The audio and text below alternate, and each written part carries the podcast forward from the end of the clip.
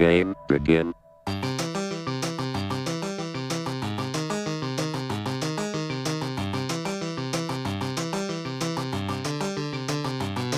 Merhabalar, P-Games'in sunduğu EFK Podcast'in yeni bölümüne hoş geldiniz. Ben Anıl Çelik. Ben Çağrı Akyurt.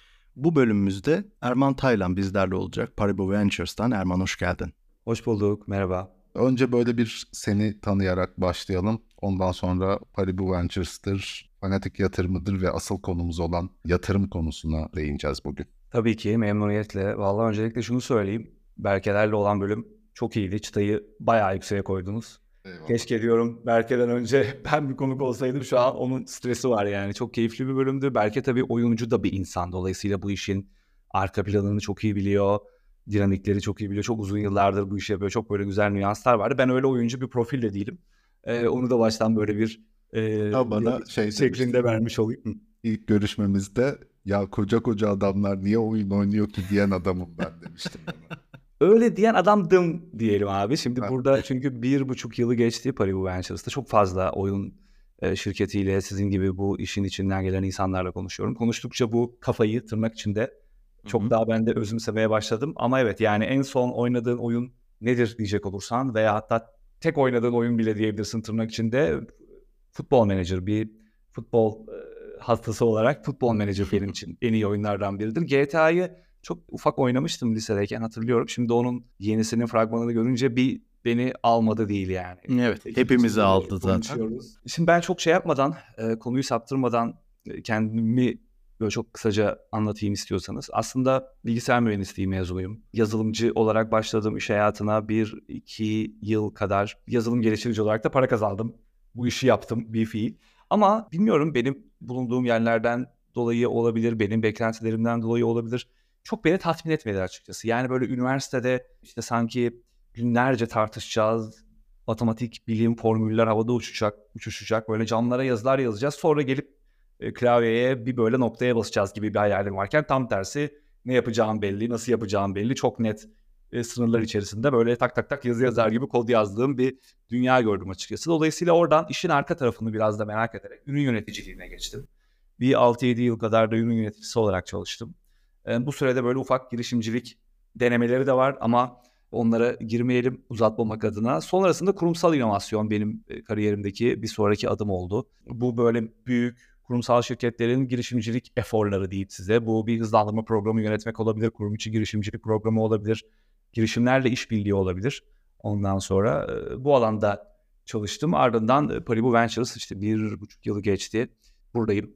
Aslında bütün kariyerimde bu arada girişimlerde geçti. Yani bu yazılımcılık, ürün yöneticiliği dediğim yerlerde de aslında ben girişimlerde çalıştım. Dolayısıyla böyle vizyoner bir seçim değildi kesinlikle ama yani tamamen tesadüfi ama buralar tutukken tırnak içinde işte 2010'larda böyle kimse girişim nedir bilmiyorken bu alanda böyle kendimi buldum. Hala da tabii farklı yerlere geldi hikaye ama bir şekilde yine girişimlere yatırım bu alanda çalışıyorum. İşimi seviyorum yani öyle söyleyeyim. Beni böyle akşamları da işle ilgili yani iş yaşam dengesi bende pozitif anlamda iç içe geçerek ayrımını yitirdi. Öyle söyleyeyim. Harika. Kısaca. Harika mı gerçi olsa ondan da emin olamıyorum ama bazen Yani Ben, ben ben, bence Harika harmanlanması gayet iyi ya. Yani ben artık kabullendim tırnak içinde çünkü bunu seviyorum. Yani mesela tamamen işten bağımsız yazdığım bir newsletter var.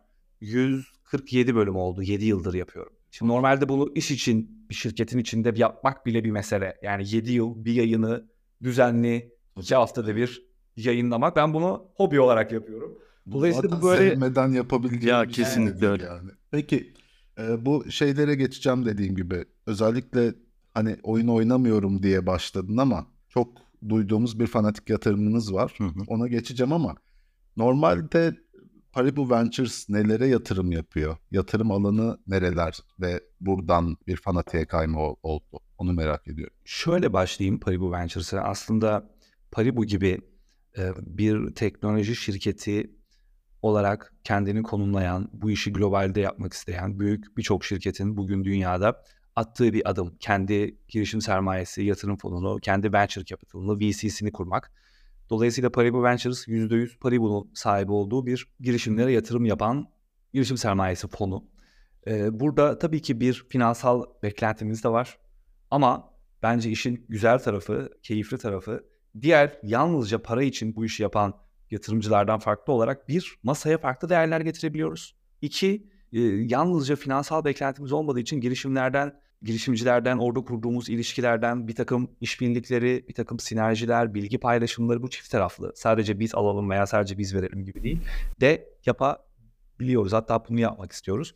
Dolayısıyla böyle Paribu'nun stratejik yatırımlar yapan bir VC fonu diyebilirim. Bugün itibariyle 19 yatırımımız var. Hatta bir tane işte term sheet verdiğimiz yani sözleşme aşamasında olduğumuz diyeyim yatırımla beraber 20 oluyor. Ee, bu şirketlerin tamamı kurucu ortaklarının kafasında Web3 felsefesi öncelikli olan şirketler. Öyle Hmm. söyleyeyim. Ne demeye çalışıyorum? Çünkü bugün blockchain, Web3 bu kavramlar biraz karıştı birbirine girdi. Yani biz mesela ben size bir Web3 şirketi derim, sitesini yollarım.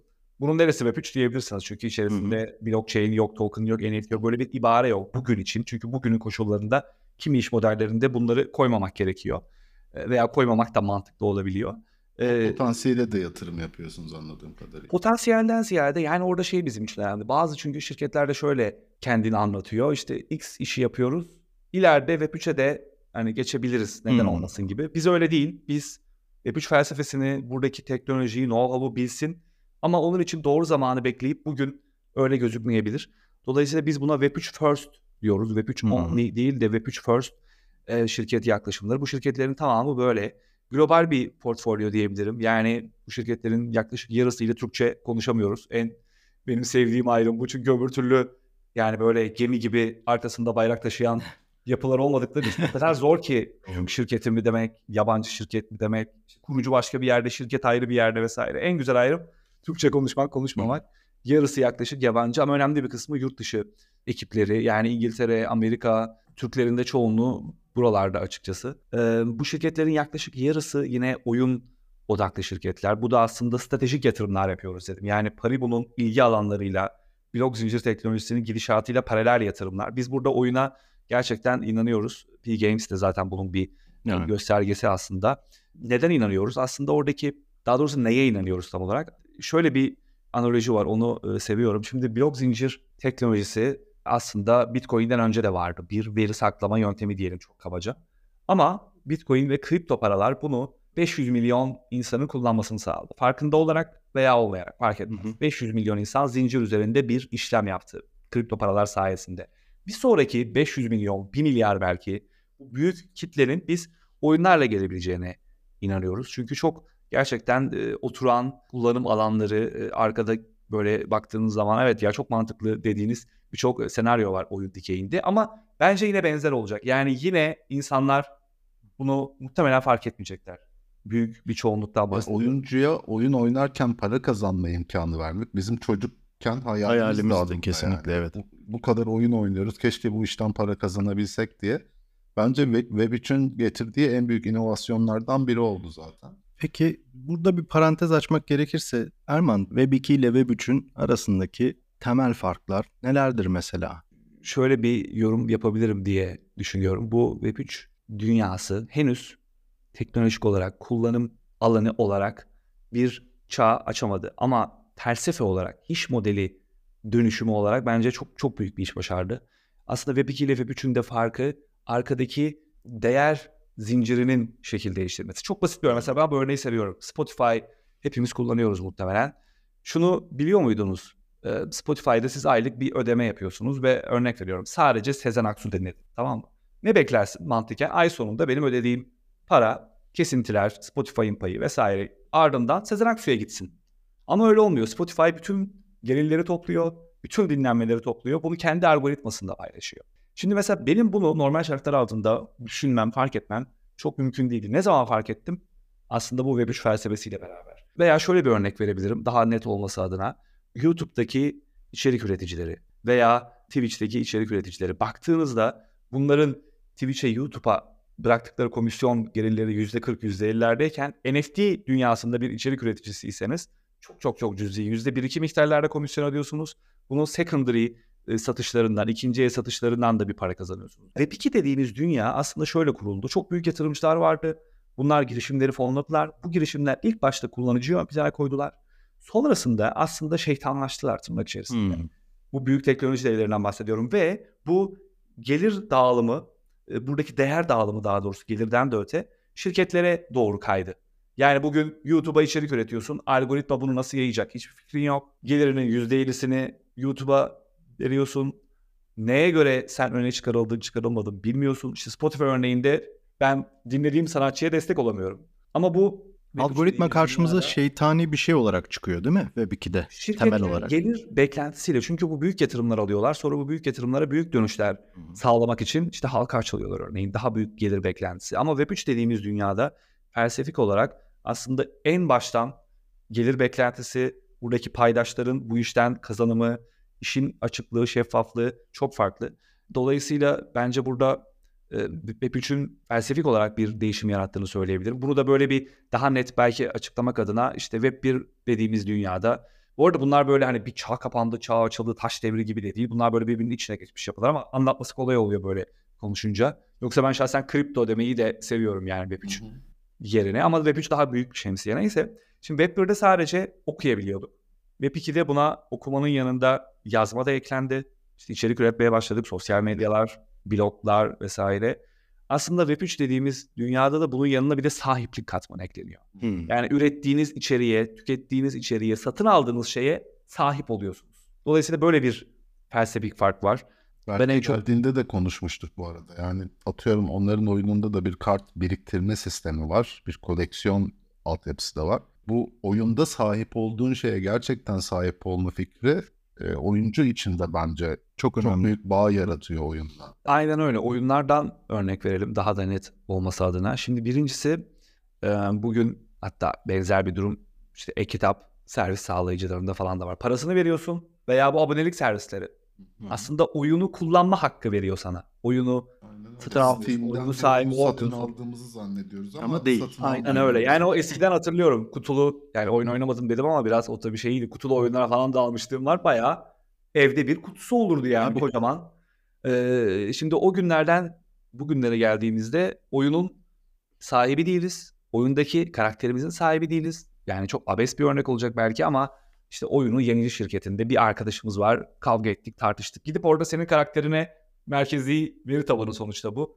Atıyorum karakterini düşürebilir, bir zarar verebilir. Yani o kadar emek harcadığın, parayı da geçtim. O kadar zamanını harcadığı bir şeyi kontrolü aslında yüzde yüz sende değil. Burada ben para kazanmaktan ziyade şeyi e, seviyorum. Mesela bir oyunda 3 yıl 4 yıl emek verdin. Özellikle bu MMORPG'lerde falan çok şey oluyor bence oturuyor. 3-4 yıl emek verdin. Oradaki karakterin gerçekten sahibi olsan e, ve o oyuna örnek veriyorum 1000 dolar da para harcadın. Oyundan çıkarken de o paranın belirli bir kısmını en azından geri alabiliyorsan tamamını veya daha fazlasını almak bu da ekonomi olarak henüz Web 3'te oturmuş bir şey değil. Yani herkesin kazandığı bir dünya çok sürdürülebilir olmuyor açıkçası. Ne yazık ki böyle bir kötü şeyi de var. Kötü ünü de var. Yani bu eksiler vesaire bu Web 3 oyunları öyle bir çıktı ki hepimiz oynayacağız, para kazanacağız. İşte biliyorsunuz bu e, klanlar kuruldu vesaire. O bence yanlış bir çıkıştı. Böyle, yani öyle bir şey mümkün değil. Ama işte 3-4 emek verdiği bir oyunda karakterin sahibi olmak, o oyuna harcadığı para değil sadece. Emekle beraber oradaki kararların bir parçası olmak, o komünitenin gerçek bir parçası olmak ve o oyundan çıkarken o maddi karşılığı belirli bir kısmını almak. Ondan sonra o karakterin satışından ileride para kazanmaya devam ediyor olmak. Veya bu teknolojik olarak öyle bir dünyanın kapısını açacak ki ben bir oyunda çok iyi bir noktaya gelmişim. Artık o benim bu soulbound NFT dediğimiz bir şey var. O e, kavramı çok seviyorum. Devredemediğiniz, satamadığınız NFT'ler böyle TC kimlik numarası gibi düşünebilirsiniz. Hı. Belki benim soulbound NFT'me yazılacak o oyunda geçirdiğim tecrübe. Ve ben işte GTA'nın yenisini indirdiğim zaman GTA diyecek ya bu adam bu oyunda 4 yıldır buraya gelmiş. Dolayısıyla ben bunu artık şunu göstermeyeyim diyebiliyor olacak örneğin. Veya ben o oyundan çıkarkenki karakterimi öyle bir yapı olacak ki bunlar böyle bir e, kripto para alım satımı gibi işte 100x puanımı başka bir oyunda 5y puanını çevirerek hmm. o oyunda başlıyor olacağım. Bunların hepsinin önünü açabiliyor. Dolayısıyla mesela Web3'ü böyle oyun perspektifinden de bakacak olursak hani az önce sohbetin başına bahsettiğim o çok uyumlu e, oluyor. Bazı iş modellerinde, bazı oyun türlerinde özellikle kart oyunları gibi vesaire. Derken kastettiğim şeyler biraz bunlardı. Yani oyunlardan anlamıyorum diyen birini böyle bence çok muazzam noktalarına değindik e, Web için. Peki bu fanatik yatırımına girelim mi biraz? Çok duyduk ama biraz detaylarını senden Evet, evet. Ya önce yani... Paribu Ventures'tan bir bahsetmek istedim. Sonra hemen İki. fanatiğe de geçeyim. Şimdi nasıl tanıştık diye hatırlıyorum. Şimdi bu işin yatırımcılık konusunun tabii çok önemli bir kısmı network. Yani kimleri tanıdığınız ve o kişileri size açtığı kapılar. Dolayısıyla ben hep şu yaklaşımı seviyorum. Yani tabii ki biz de şirketlerin kapısını çalıp ulaşıyoruz. Bunu çok sık yapıyoruz hatta. Dolayısıyla böyle egosal bir durum yok sakın yanlış anlamayın ama benim bir şirkete ulaşıyor olmamla o şirketin bana ulaşması, beni o şirketle birisinin tanıştırması bunlar çok farklı şeyler aslında. Yani Tabii. Girişim bana geliyorsa hiçbir ilişkimiz yok, geçmişimiz yok, hiçbir şeyimiz yok. Ben hemen şunu soruyorum ya bana neden başkasının aracılığıyla gelmedi örneğin veya neden ben onu geçmişte tanımıyordum. Şimdi şu, şuraya bağlayacağım. Fanatik de bizim bir aslında yurt dışında ilişki içerisinde olduğumuz bir yatırım e, fonu vardı. Bir etkinlikte tanışmıştık onlarla. E, bu yatırım fonunu tanıştırdı bir şirket. Fanatik Web3 oyunlarına da ciddi bir vizyon taşıyor. Böyle bir iş modeli vardı o dönem bu yatırım turuna çıktıklarında ve o yatırımcının aklına geliyor. Diyor ki ya ben Türkiye'deki en büyük kripto para oyuncusuyla tanışmıştım. Onlar da bu alana yatırım yapıyorlardı. Biz sizi tanıştırayım. Biz de tabii ki çok isteriz dedik. Sonrasında hem biz böyle bir şirketin parçası olmak istedik. Finansallarına bakınca, vizyona bakınca, ekiple ta- tanışınca ve tabii ki çok büyük bir geçmiş var arkada. Yani Tabii. Bu arada Burada da- inanılmaz profesyonel yani. Evet. inanılmaz. Futbol takımları kadar. Daha bile abi ben futbol takımlarını biliyorum. Daha yani Türkiye üzerinde daha profesyonel diyebilirim. Tabii. Ee, ve çok da mesela ben bu kadar tanınmış popüler bir şirket olduklarını bilmiyordum. Yani böyle benim tanıştığım 10 yeni insandan 8'i Fanatik'e nasıl yatırım yaptınız? Fanatik yatırımından bahseder misin diyor.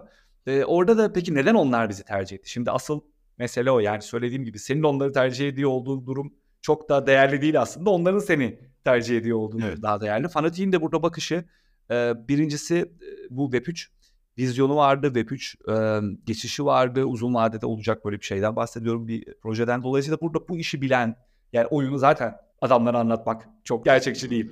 Ama Web3 best practice'lerini, buradaki tooling'leri, buradaki dünyayı onlara bir ölçüde açabiliyor olmak bu potansiyelimiz. İkincisi de Türkiye tabii ki çok büyük bir pazar. Yani oyun içinde, oyuncu içinde, kripto içinde. Dolayısıyla burada bizi de böyle biraz Türkiye'de çünkü Türkiye'den bir yatırımcıları yoktu. Hala da yok bizim dışımızda.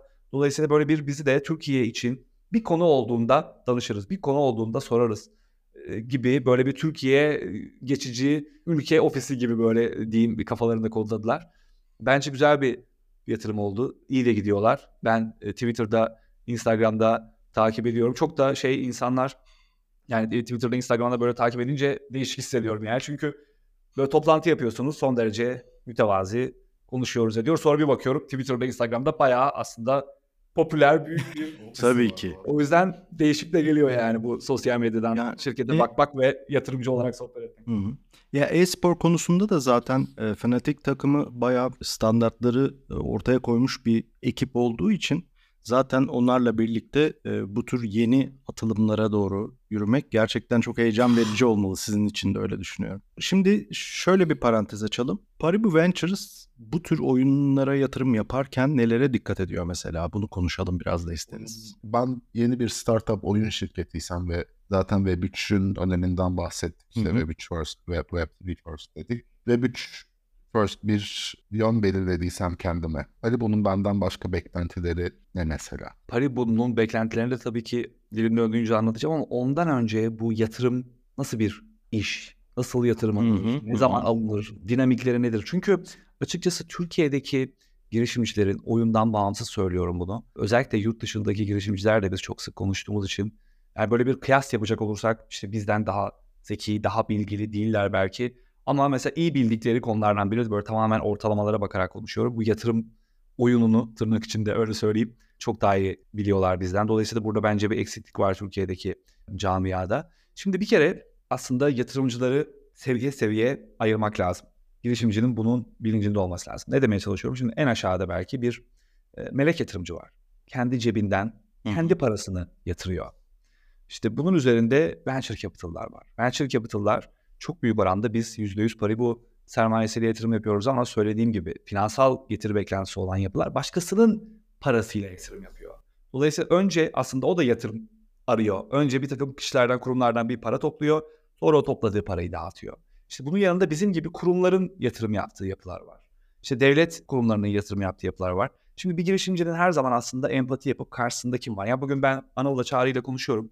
Bu adamlar kendi parasını mı yatırıyor? Yoksa bu adamlar bir kurumu temsilen mi orada? O kurumun beklentileri ne olabilir acaba gibi soruları sorup bir empati yapması gerekiyor. Bence e, bu aşamaları bilmek, karşı tarafın önceliklerini bilmek, beklentilerini bilmek bence kritik. Mesela burada bu girişim sermayesi yatırım fonları, VC'ler, venture capital'lar kurulurlarken bir takım aslında sözlerle beraber kurulurlar. İşte biz şu coğrafyada, bu aşamada, bu tipte şirketlere bu aralıkta yatırım yapacağız derler.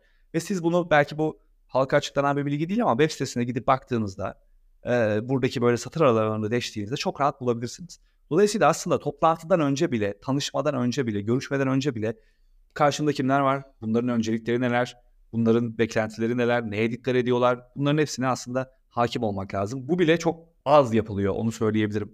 Aslında iyi bir araştırma bile 1-0 önde başlamanı sağlayabilir yani bu aşamada. Evet, evet ya Çağrı şunu söyleyebilirim, bu iş bir yani yatırıp oyunu benim görebildiğim öğrenilebilir bir şey.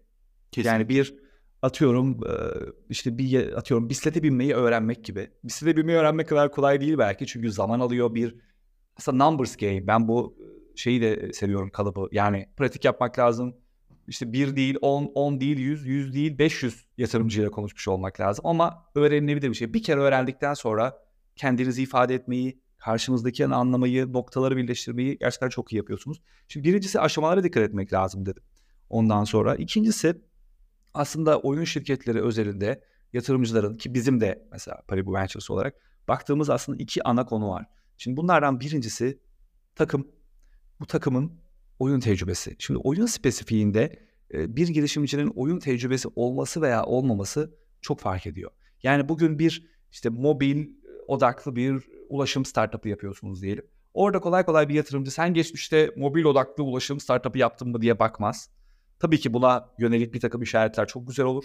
Ama bu oyunda olduğu kadar önemli değil. Oyunda geçmişte hiç oyun yapmayan, hiç oyun şirketinde çalışmamış, atıyorum bir AAA oyunla ilgili tek tecrübesi o oyunu oynamış olmak ve işte yatırım durumunda diyor ki ben AAA oyun yapacağım. İşte bu bir blocker olabiliyor. Burada oyun tecrübesi. O gaza geldi. Yani. ya o tatsız evet. bir gaza geldi çünkü. evet.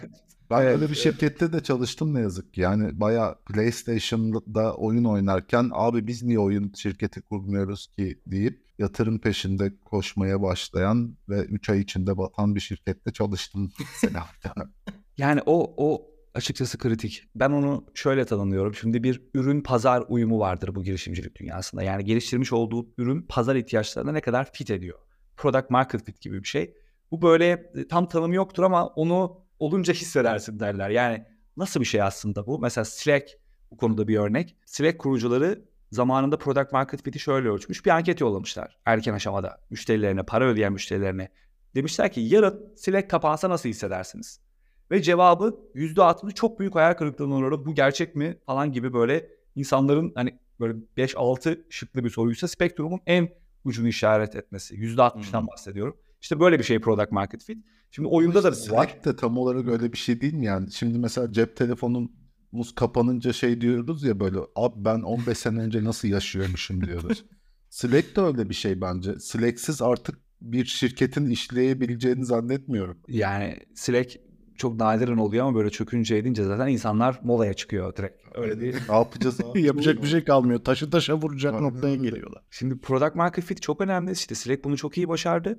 Şuraya bağlayacağım asıl. Aslında ürün pazar uyumu kadar girişimci problem uyumu da bence çok önemli. Hadi sizler örnek verelim. İşte Çağrı ile Anıl geldi ve işte örnek veriyorum global bir AAA oyun şirketinde çalışmışlar.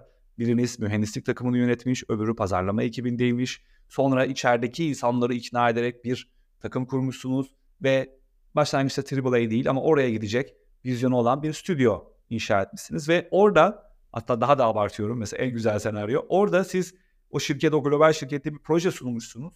O proje bir türlü kabul edilmemiş. Ona da bir gıcıklığınız var. Mesela bu gibi yani ürün pazar uyumu gibi kurucu problem uyumunun da böyle arşi çıktığı örnekler var. Onlar çok güzel oluyor. Şeyi bir de e, eklemek güzel olabilir. Empati yeteneği dedim. Şimdi günün sonunda bütün yatırımcıların aslında aşama fark etmeksizin baktığı şey şu.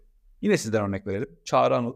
Şimdi sen bana geliyorsun bir işte pitch dedikleri e, girişim sunumunu yapıyorsun. Ve dedin ki örnek veriyorum tamamen işte 10 milyon dolar değerlemeyle 1 milyon dolar arıyorum. Aslında ben kafamda şunu düşünüyorum.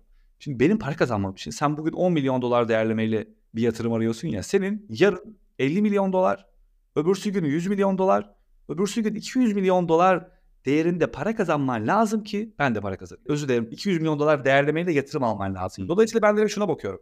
Gözlerimi kapatıyorum. Çağrı ve Anıl 3-4 sene geçmiş 200 milyon dolar değerlemeli bir şirketin kurucusu olarak muhtemelen yabancı bir yatırımcıya nasıl bu şirketi anlatırlar? O ortamı girebilirler mi? O seviyeye gelebilirler mi? O ağırlığı kaldırabilirler mi? O hikayeyi yaşatabilirler mi? Satabilirler mi tırnak içinde? Dolayısıyla hep böyle bir yatırımcının bakışı oluyor aslında. Yani bugün benden 10 milyon dolar değerlemeli yatırımcı almış, e, yatırım almış olmandan çok daha önemlisi yarın bir gün 200 milyon dolar, 500 milyon dolar değerlemeyle yatırım alabilecek potansiyelim var mı tırnak içinde? Yani, yani empati derken belirliği var mı gibi aslında değil mi? Evet.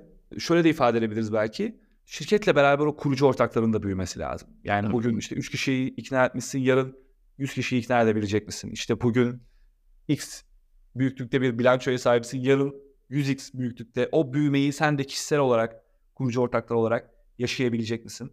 Mesela bakıyorum bugün sen 10 milyon dolar değerlemeyi isterken bile, 10 milyon dolar değerlemeyle yatırım ararken bile finansallarına hakim değilsin. Gelecek vizyonunu çok net veremiyorsun. İşte takımı büyüteceğim diyorsun örneğin. Şey diyorum ben. Nasıl harcayacaksın bu parayı? Sen diyorsun ki takımı büyüteceğiz. Diyorum ki nasıl büyüteceksin? Kimlerle? Var mı elinde bir liste? Ya bilmiyorum bakacağım diyorsun mesela. Şimdi ben de diyorum ki ya bugün alacağı 1 milyon dolarla 10 kişilik bir takım kurmayı henüz planlamamışken, düşünmemişken yarın nasıl 100 kişilik takımı kuracak? Hep böyle bir yarına şey anlatabiliyor muyum? Vizyon ve potansiyel çok önemli diyebiliriz evet, yani. Evet, empati derken bunu atladığımı fark ettim. Bu da kritikti. Şu an belki bizi dinleyen ve yatırım arayan startup şirketler için veya oyun stüdyoları için bence muazzam bir bilgi kaynağı oldu bu kısım. Kesinlikle. Çok değerli. Peki bu, bu işin geleceğini nerede görüyorsun? Paribu Ventures oyuna daha fazla yatırım yapmayı düşünüyor mu? Düşünüyoruz tabii ki. Orada kurucu ortaklar üzerinde bir oyun tecrübesi dedim. Orada şeyi de ekleyeyim. Tabii ki bir oyun şirketi dediğimiz zaman metrikler çok ön planda oluyor. Yine oyun kategorisinin diğer kategorilerden ayrıldığı bir yer bu. Founder'lar sizi çok etkilemiş olsa bile tabii erken aşamada çok bir metrik yok. Ama ilerleyen aşamalarda founder sizi çok etkiliyor, metrikler kötü. Orada metrik biraz daha founder'dan bile önemli oluyor neredeyse oyun sektörü spesifiğinde. Dolayısıyla orada metrikler önemli. O da belki altı çizilmesi gereken bir nokta. Şirket yönetirken belki sadece metrik üzerinden çalışmak çok zor olabilir ama en azından iş yatırıma geldiğinde en belirleyici faktör sayılır. Tabii ki çünkü bir finansal ya arkada bir oyun var. Bu oyunun estetik olması lazım, iyi oynanabiliyor olması lazım, oyuncuları peşinden sürüklüyor olması lazım ama günün sonunda müşteri ederin maliyetin o müşteriden bütün ömrü boyunca kazandığın para, buradaki retention rate'ler, reklamın geri dönüşümü gibi bizi dinleyenler aşinadır. Oyun şirketlerinde bir sürü finans ve oyunun bir arada eritildiği, aynı potada eritildiği metrikler var. Bu metriklerden bahsediyorum. Ne olursa olsun bunlar da çok önemli oluyor. Ama işte bu iş bir şey tanımını da ben seviyorum. Hani bir art mı, bir science mı diyecek olursanız kesinlikle bir art, yatırım. Yatırım almak da yatırım yapmak da. Dolayısıyla metrikleriniz çok kötü değil ama ortalama seviyede olursa da siz onu farklı şeylerle, farklı hikayelerle, az önce bahsettiğim örnekteki gibi problem kurucu uyguyla belki kapatabilirsiniz ama metrikler oyun yatırımı demişken kesinlikle diğer bütün girişimcilik sektörlerine de kıyasla çok daha önemli diyebilirim. Paribu Ventures'ın gelecek planları gibi bir yerde bırakmıştık sanırım en son. Şimdi tabii ki bu alanda yatırım yapmaya devam edeceğiz. Ee, bizim şirketlerin e, 19 tanesinin 8'i oyun alanında demiştim. Bu 8 şirketin tamamı aslında iyi oyun yapmayı öncelik edinmiş şirketler. Yani az önce verdiğim örnekte olduğu gibi bunların böyle bir kısmında siteye girdiğinizde bir Web3 oyunu olduğunu fark etmezsiniz bile. Yani token, Web3, NFT hiçbir şey bulamazsın. Dolayısıyla birinci öncelikleri iyi oyun yapmak. O komünitenin keyif alacağı sürdürülebilir bir gelir modeli olan bir oyun yapmak. O yüzden burada Web3 best practice'leri ortaya çıkacak zamanla diye inanıyoruz. Dolayısıyla bu şirketler oraya doğru geçecekler. Tabii ki yatırım işte bir yıllık, iki yıllık, en fazla üç yıllık periyotlar için topladığınız bir meblağ oluyor. O zaman geçtikçe yeni bir yatırım turu devreye giriyor. Bu turlarda portfolyo şirketlerimizi desteklemeye devam edeceğiz. Onlara nacizane yönlendirmeler yapmaya, tanıştırmalar yapmaya devam edeceğiz. Dolayısıyla hem yeni yatırım yapmak evet ama bunun yanında portfolyo şirketlerini desteklemek gelecek planlarımız, önceliklerimiz diyebilirim. Web3 ile ilgili çok net konuşamıyorum çünkü oradaki dünya çok net değil. Yani bir zamanlama vermek falan evet çok gerçekçi değil açık. Remotöre bir durum var ortada yani. Çok önemli bir konuya değindin bence. Önce güzel oynanabilir bir oyun. İnsanların oynarken keyif aldığı bir oyun yaratmak çok daha önemli gibi geliyor. Az önce bahsettiğim benim çalıştığım şirketin yine yaptığı hatalardan biri ilk etapta oyunun ekonomisine, blockchain modeline odaklanmaktı. Muhteşem bir ekonomik model çıkarttılar ama ortada oynanabilecek adam gibi bir oyun yoktu henüz. İş öyle olunca da kimse oynamıyor ve ekonomik modelinde çöp haline geliyor kısa süre içinde. O yüzden yani önce insanların bağlanabileceği, başından kalkamayacağı müthiş bir oyun yapıp onun üzerine belki bir ekonomik model oturtmak en azından bu konsept içinde daha sağlıklı gibi görünüyor. Burada ben araya girip minik bir soru yöneltmek istiyorum hemen sana. Ee, bazı developerlar var ve gerçekten e, AAA oyun üreten şirketlerden çok daha önünü gören, çok daha oturaklı adımlar atan oyunlar tasarlıyorlar henüz daha. Bu, biz bunu şeyden anlıyoruz. Yani Road to Vostok diye bir oyun var mesela. One Man Army dediğimiz böyle hem tek başına bütün oyunun sanatını yöneten hem de oyunun e, yapısını e, hazırlayan, oyunun kodunu yazan ve bunun için 10 yılı geçkin bir süredir çalışan insanlar var. Siz mesela yatırımcı olarak ve dediğim gibi yani öyle bir vizyon ortaya koyuyor ki yani bu AAA aşırı büyük e, mega şirketlerin ortaya koyamadıkları vizyonu ortaya koyuyorlar ve bunu tek bir YouTube videosuyla yapıyorlar. Yani öyle çok da para harcamadan. Bu One Man Army'ler hakkında, One Man Producer'lar hakkında ne düşünüyorsun onları çok merak ettim.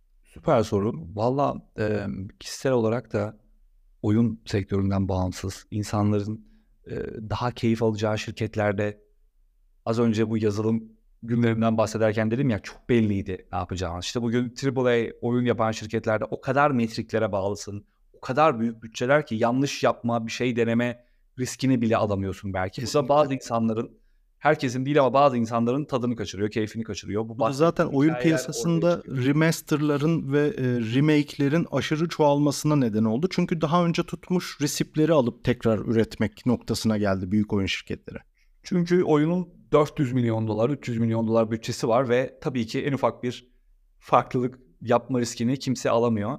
Ama şeyi de görüyorum, e, atıyorum böyle 10 tane 300 milyon dolarlık oyun yapacağım ama 8 tane yapayım. O geri kalan 600 milyon doları da 10 farklı, 20 farklı senin bahsettiğin yapıdaki şirkete dağıtayım.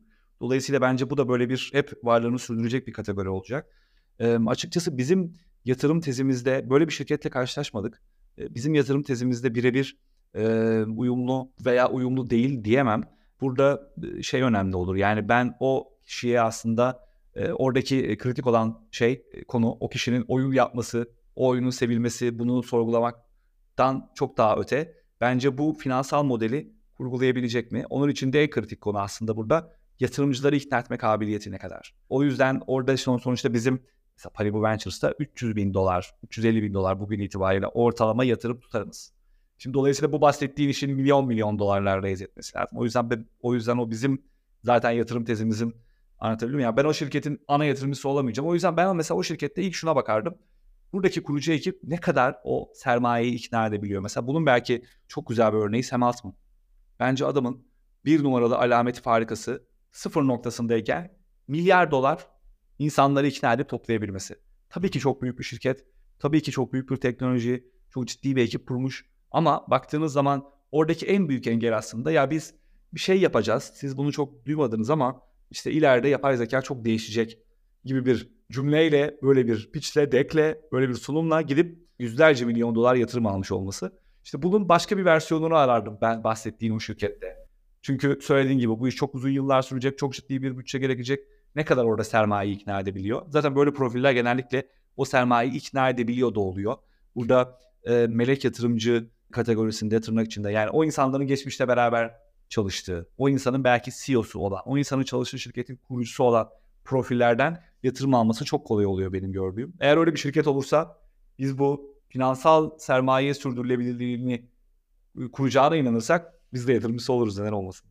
Sonuna doğru yaklaşırken son olarak eklemek istediğim şeyler var mı atladığımızı düşündüğün? Ben iki şey geliyor aklıma, konu geliyor. Birincisi çok az değindik zaten. İşte bu Web3'ün henüz e, felsefe olarak çok ileride olması ama bunun kullanım alanına yansımaması. İşte burada kullanılabilirlik problemleri var. Tooling dediğimiz ürünler henüz hazır değil. Yani bugün bir oyun yaptık. Bu oyunu çok böyle sürtünmesiz bir deneyimle işte NFT'lere, kriptolara taşıyalım dediğiniz zaman işte hangi cüzdan altyapısını kullanacaksın? Arkada kullanıcı nasıl ekranlar görecek? Google, Apple buna kızacak mı, kızmayacak mı? Dolayısıyla böyle bugün o kısımlar henüz hem bu işin ekonomik modelinin oturmasına daha var. Herkesin kazanacağı bir dünya mümkün değil. Artık buna ikna olduk. İşte hatırlıyorsanız önce e, play to earn vardı. Sonra play and earn geldi. Sonra free to own dendi. Yani bu böyle şeyler, kalıplar benim çok hoşuma gitmiyor açıkçası. Evet bu henüz benim de cevabını bilmediğim milyar dolarlık bir soru kimsenin bilmediği hatta. Dolayısıyla böyle Web3 kullanılabilirlik olarak, ürünler olarak, ekonomik model olarak henüz böyle bir best practice'i kendine bulabilmiş değil. Ama Yasal olarak da hatta belki Tabii. onu da ekleyebiliriz. Yani insanlar nasıl düzenleyeceğini de tam bilmiyor. Bu kuva nasıl oturtacaklarını da daha doğrusu. Google yeni bir esneme yayınladı. Ee, Google Play Store'daki uygulamalar için. Ama mesela Apple hala şeyi çözebilmiş değil. Ee, yani bu %30 veya %15 şirketin büyüklüğüne göre değişen komisyon oranını da düşünerek tabii ki. Yani bu NFT'lere izin versem mi? Versem buradaki komisyon benim dışıma çıkıyor. Bunu yasaklasak mı? Bu diğer oyunlara nasıl transfer olsa hala mesela Apple'da bu süreç net değil. Dolayısıyla böyle bugün değil ama uzun vadede benim inancım tabii ki Web3 oyunu demeyeceğiz. Yani şu dünyanın en saçma şeyi Çağrı bana WhatsApp'tan yazacak. Mesela diyecek ki şöyle bir Web3 oyunu gördüm. Bak çok hoşuna gider. Ya oyun diyecek. Ben de oyun diyeceğim. Oyun oynayacağız. Ama arkada aslında bugün bir oyunun işte Unity kullandığını belki veya Unreal Engine kullandığını bilmiyorum ne kadar umursuyoruz. Belki duyuyoruz ve aklımızın bir köşesinde duruyor. Çok da kullandığımız bir bilgi olmuyor. Onun gibi olacak. Arkada bu asetler nasıl saklanıyor? Evet. nasıl transfer oluyor? Bu böyle e, layer gibi düşünecek olursak katman katman bu böyle oyuncunun ilgi ve bilgi alanından çıkacak. Henüz o seviyede değiliz. Şu an böyle bu katmanlar tek bir yerde. Yani oyuncunun bayağı hakim olması lazım. İşte cüzdanımı bağladım oradan köprü kullandım. ikinci katmana geçtim. Dur şuradan gas fee'leri akşam ödeyeyim de daha ucuz olsun falan. Yani bu bunun olmayacağı bu şekilde aşikar. Dolayısıyla böyle bu kısma değindik. Bir de onun dışında şeyi söyleyebilirim belki. Yani bizi dinleyenler çok hakimdir bu sayılara ama Türkiye gerçekten hem Web3 Gaming dediğimiz zaman Türkiye'nin böyle çok iyi olduğu teknoloji alanında böyle bir iki tane liste varsa bunlardan da ikisi yani 3-4 tane varsa değil ikisi bir kripto adaptasyonu iki oyun şirketi kalitesi ve oyun şirketlerinin aldığı yatırımlar. Dolayısıyla burada çok büyük bir fırsat görüyorum açıkçası. Bu fırsatı sadece benle değil işte Fanatic örneğinde verdiğim gibi. Fanatic'in de Paribu Ventures'ı yatırımcı olarak istemesindeki ana sebep pazarda aslında. Bizim yatırım yaptığımız çok sayıda yabancı girişim var. Oyun özelinde de. Ee, ve bunların da bir numaralı aslında motivasyonu buydu. Dolayısıyla burada Türkiye mesela 2022 yılında daha doğrusu İstanbul 2022 yılında dünyada oyun şirketlerinin en çok yatırım aldığı ikinci şehir. Mesela İnanılmaz bir başarı. inanılmaz bir başarı ve bu belki nasıl diyeyim önümüzdeki sene bu listede iki değil de dördüncü olabiliriz. Hmm. Ama bence asıl daha da etkileyici olan bilmiyorum buna denk gelmiş miydiniz? Şimdi bu girişimcilik işlerinde hep bir hikaye olması lazım. Bir başarı hikayesi çıkması lazım. Bir kültür inşa edilmesi lazım. Sonra da bunun yayılması lazım. Ve mesela bunun belki işte 2000'lerdeki Amerika'daki örneği PayPal mafya. Hala geçer bu. İşte PayPal'ın kurucu ortakları baktığınız zaman bugün işte Elon Musk'tan aralarında böyle e, popüler olduğunu e, bildiğimiz şirketlere bir sürü isim çıkardı bu PayPal mafya. Ondan sonra bunun gibi aslında bir Peak Games mafya var Türkiye'de. Peak Games çalışanlarına kurduğu 80 tane girişim var. İnanılmaz bir şey bu. Yani orada İyi öğrenimler bir var. okul demek ki yani. Evet. Games bu arada.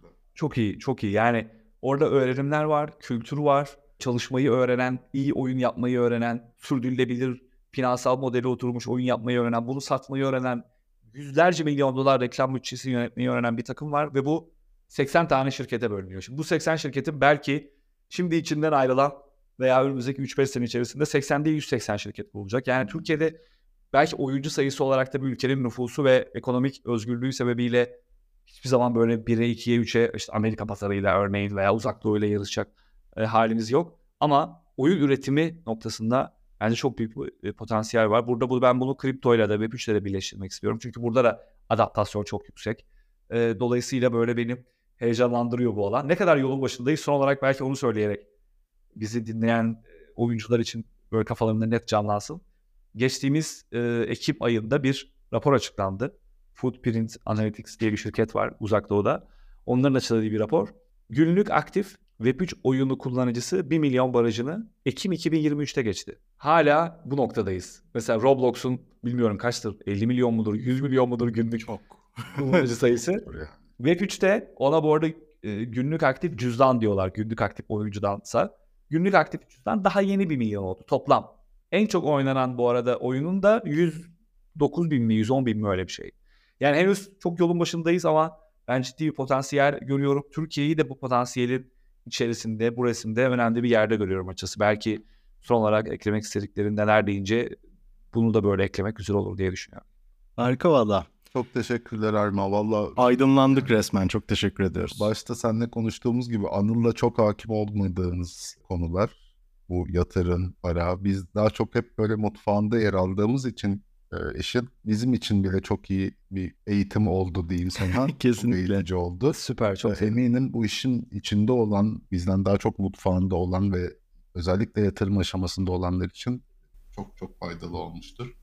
Ya da evinde tek başına oyun geliştiren Ya da ve evet. bu oyunun ne olacağını düşünen arkadaşlarımız için de e, çok verimli ol- olduğunu düşünüyorum. Yani söylememe gerek yok.